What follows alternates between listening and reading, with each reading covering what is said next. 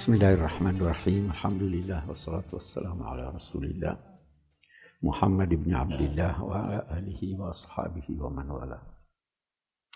Bapak-bapak, ibu-ibu, saudara-saudara sekalian, Assalamualaikum warahmatullahi wabarakatuh. Uh, kita malam ini akan berbicara tentang puasa. Baik, yang pertama ada pandangan dari pakar-pakar bahasa bahwa bahasa-bahasa yang digunakan oleh masyarakat itu mencerminkan substansi yang ditunjuk oleh kata yang digunakan untuk itu. Saya pernah berkata begini, eh, kita dalam bahasa Indonesia itu untuk jenis kelamin yang menunjuk pada mereka yang jenis kelaminnya berbeda dengan kita laki-laki itu dinamai perempuan. Ada juga yang menamainya wanita. Itu dua kata yang berbeda tetapi masing-masing mempunyai makna yang bisa jadi oleh satu eh, pihak beranggapan yang ini yang lebih baik atau yang itu yang lebih baik.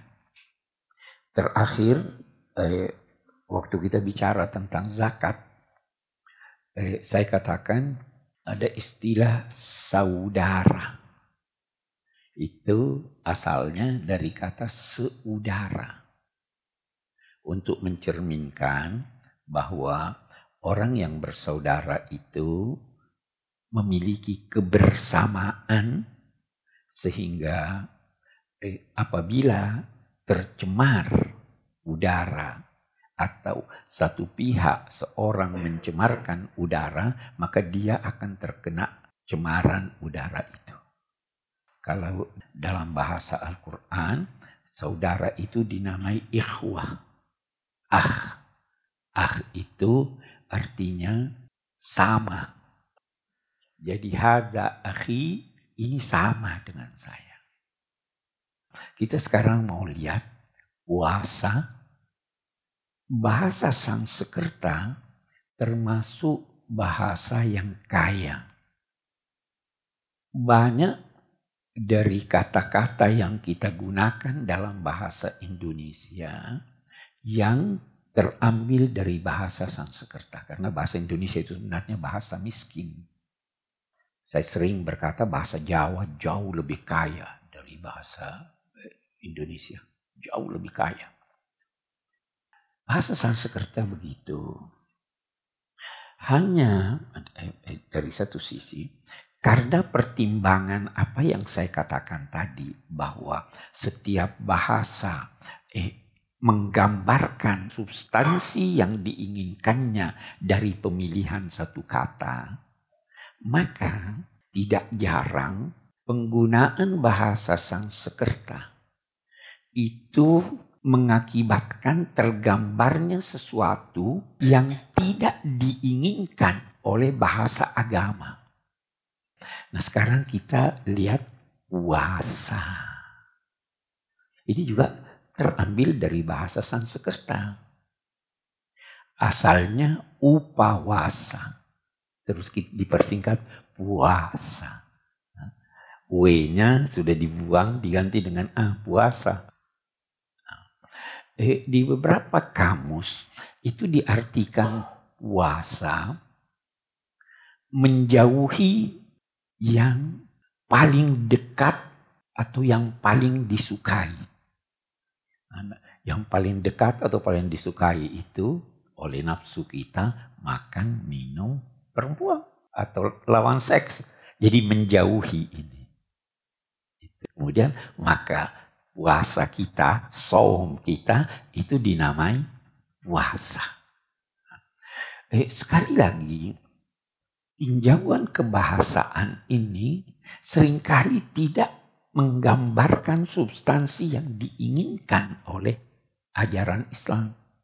Itu kata Prof. Nagib Al-Attas punya pandangan bahwa mengapa eh, ulama-ulama kita lebih senang menggunakan bahasa Melayu atau menggunakan bahasa Arab daripada bahasa Sanskerta karena bahasa Sanskerta sudah dimasuki oleh nilai-nilai ajaran non-Islam. Yang paling jelas itu bidadari. Apa ya? Bidadari itu digambarkan perempuan, seks, ya kan? Padahal hurin bukan hanya itu. Nah, saya kembali. Dalam bahasa agama Islam, itu apa yang akan kita laksanakan dalam bulan Ramadan oleh Al-Quran dinamai siam. Siam itu artinya asal katanya menahan diri. Menahan diri. Siang penahanan. Eh, menahan, kita lihat dulu makna menahan, nanti kita akan pahami, oh itu sebenarnya yang dikehendaki dari puasa. Yang kita namai puasa ini ada sesuatu yang perlu ditahan yang ditahan itu adalah sesuatu yang bisa jadi akan keluar. Tahan, jangan keluar. Itu kan ditahan. Itu sebabnya dalam bahasa Arab, orang yang tertahan sehingga maaf tidak buang air besar dinamai indahu imsak. Tertahan. Dia mau tapi tertahan. Ya kan? Kalau eh, terlalu ini, terlalu gampang keluarnya, itu dinamai ishal, gampang keluar. Jadi puasa itu adalah siang dalam arti menahan. Kalau Anda tidak menahan, kita lihat dulu secara kebahasaan, Anda tidak dinamai puasa. Yang ditahan dalam puasa itu segala sesuatu yang mestinya tidak dikeluarkan atau segala sesuatu yang tidak dikeluarkan karena mengharapkan sesuatu yang lebih baik. Jadi menahan. Saya merenung tentang ini menahan, saya berpikir begini. Itu orang puasa yang tidur. Puasa enggak dia? Dia tidur. Apa yang dia tahan? Dia tidak menahan sesuatu itu. Enak aja. Ya kan? Tidur kok. Walaupun nanti ada itu riwayat. Eh, Naum saim ibadah. Tidurnya orang puasa ibadah. Siapa bilang? Menahan. Mau tidur. Anda tahan. Jangan tidur. Hah? Mau makan. Tahan. Jangan makan. Mau eh, hubungan seks. Tahan. Jangan hubungan seks. Orang tua tidak lagi nahan itu mau hubungan seks. Ya. Jadi inti puasa itu menahan. Menahan gejolak nafsu untuk memperoleh yang baik atau yang lebih baik. Substansinya di sini. Menahan. Itu sebabnya puasa sama dengan sabar. Sama dengan sabar. Nanti ada ayat innama yuwaffas sabiruna ajrahum bighairi hisab. Allah menyempurnakan ganjaran.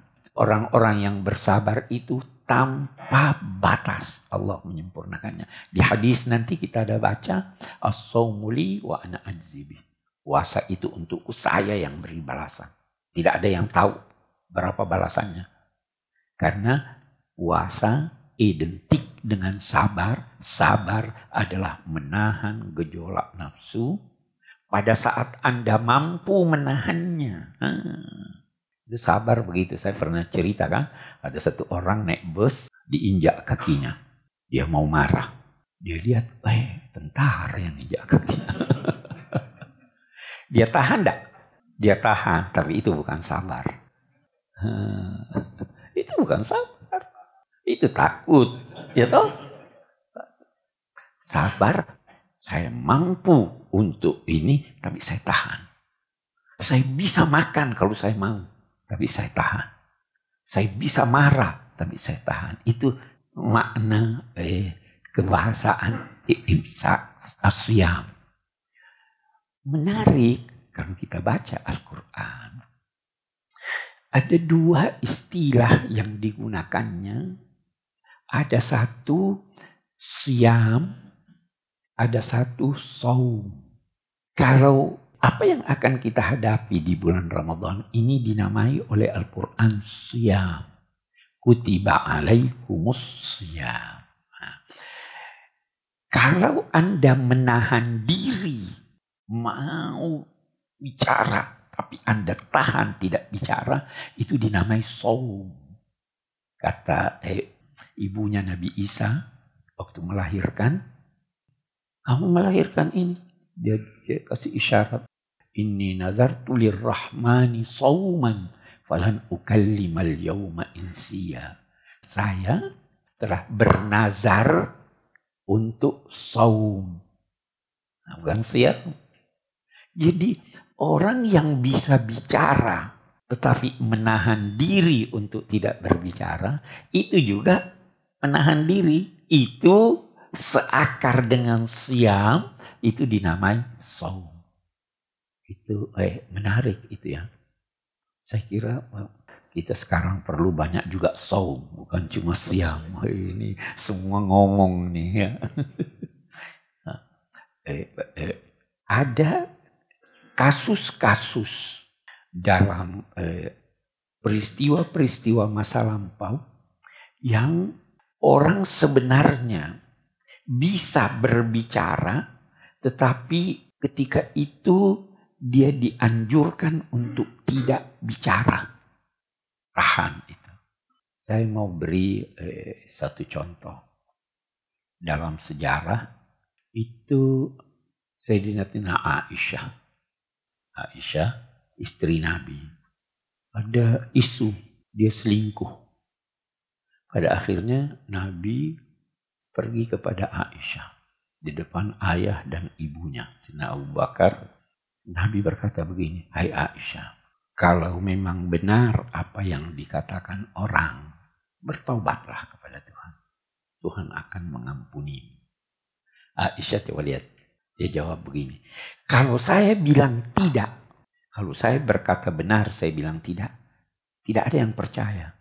Karena sudah tertanam di dalam hatimu bahwa itu benar. Tapi kalau saya bilang iya, saya bohong. Karena itu saya tidak mau bicara. Nah, saya tidak mau bicara apa yang terjadi.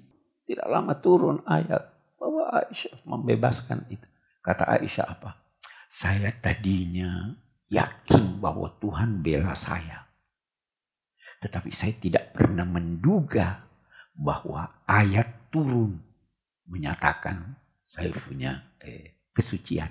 Nah, apa? Terkadang Anda dituduh dengan tuduhan bermacam-macam. Anda tidak bisa buktikan. Ya kan, bagaimana mau dibuktikan? Ketika itu serahkan pada Tuhan, tidak usah ngomong. Nah, sama Maryam. Kalau dia berkata, enggak ini anak lahir tanpa ayah. Tidak ada yang mau percaya. Ya kan? Tapi kalau dia mengaku, ya memang saya berzina. Tidak, udahlah. Tuhan beri petunjuk. Itu puasa diam. Itu saum.